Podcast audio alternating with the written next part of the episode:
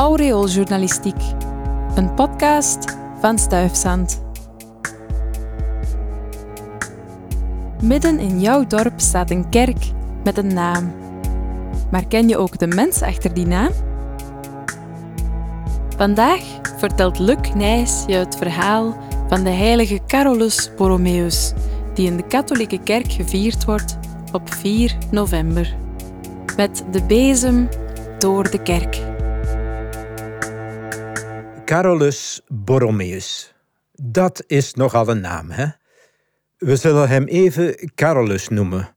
Je moet hem voorstellen met een rode kardinaalshoed en een typerende haviksneus. Dankzij de goede connecties van zijn rijke familie en het feit dat hij de neef was van de paus, kreeg hij al heel jong belangrijke functies waar hij niet veel voor hoefde te doen. Al op zijn twaalfde was hij abt van een klooster. Hij kreeg een riant loon, waarvoor hij maar eenmaal per jaar op bezoek moest gaan. Zo bekleedde hij verschillende postjes, waaronder dat van kardinaal. Na de dood van zijn broer concludeerde Carolus dat vriendjespolitiek niet deugde. Hij ging hard studeren om priester te worden en stelde zijn loon ter beschikking van de armen. Onvermoeibaar zette hij zich in voor de kerk. En het is ongelooflijk wat hij allemaal klaarspeelde in Milaan, waar al jaren geen bisschop meer zetelde en het religieuze leven helemaal in slaap gewiegd was.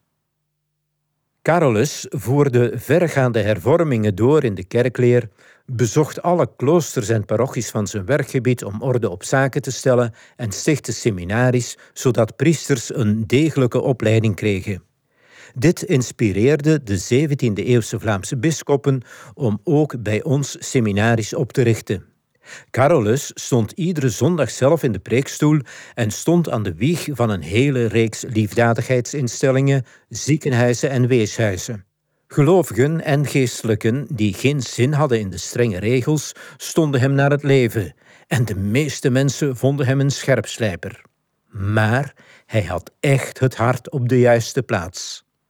Dat toonde hij door zich in tijden van hongersnood in de schulden te steken om voedsel te kunnen uitdelen. Toen de pest uitbrak in zijn bisdom, werd het helemaal duidelijk. Toen bestuurders en ambtenaren niet snel genoeg konden vluchten, bleef Carolus om te zorgen voor zijn mensen. Hij verplichtte elke priester, non en pater om de pestleiders te blijven helpen en gaf dag na dag onvermoeibaar het goede voorbeeld. Ook zorgde Carolus ervoor dat de lijkwade van Christus van het Franse Chambéry naar Turijn kwam. Je weet wel, de lijkwade van Turijn. Daarom heet hij dus zo. De kerk van Molrau is opgedragen aan de hardwerkende Carolus Borromeus.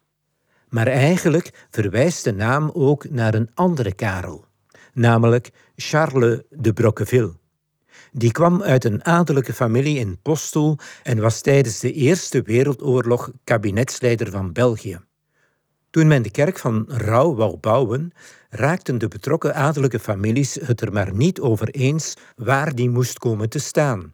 Charles de Broqueville hield de kerk in het midden en zorgde ervoor dat die gebouwd kan worden op een stuk gemeentegrond tussen de eigendommen van de ruziemakers in.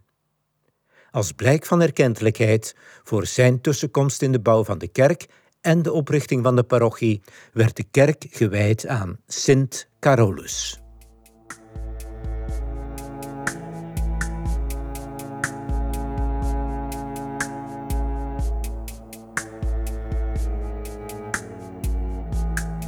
Dit was een podcast van Stuifzand en de klassen Woord en Audio Engineering van de Geelse Academie voor Muziek, Woordkunst, Drama en Dans, met steun van de Vlaamse overheid.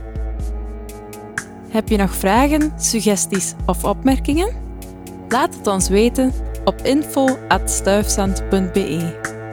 Dankjewel voor het luisteren.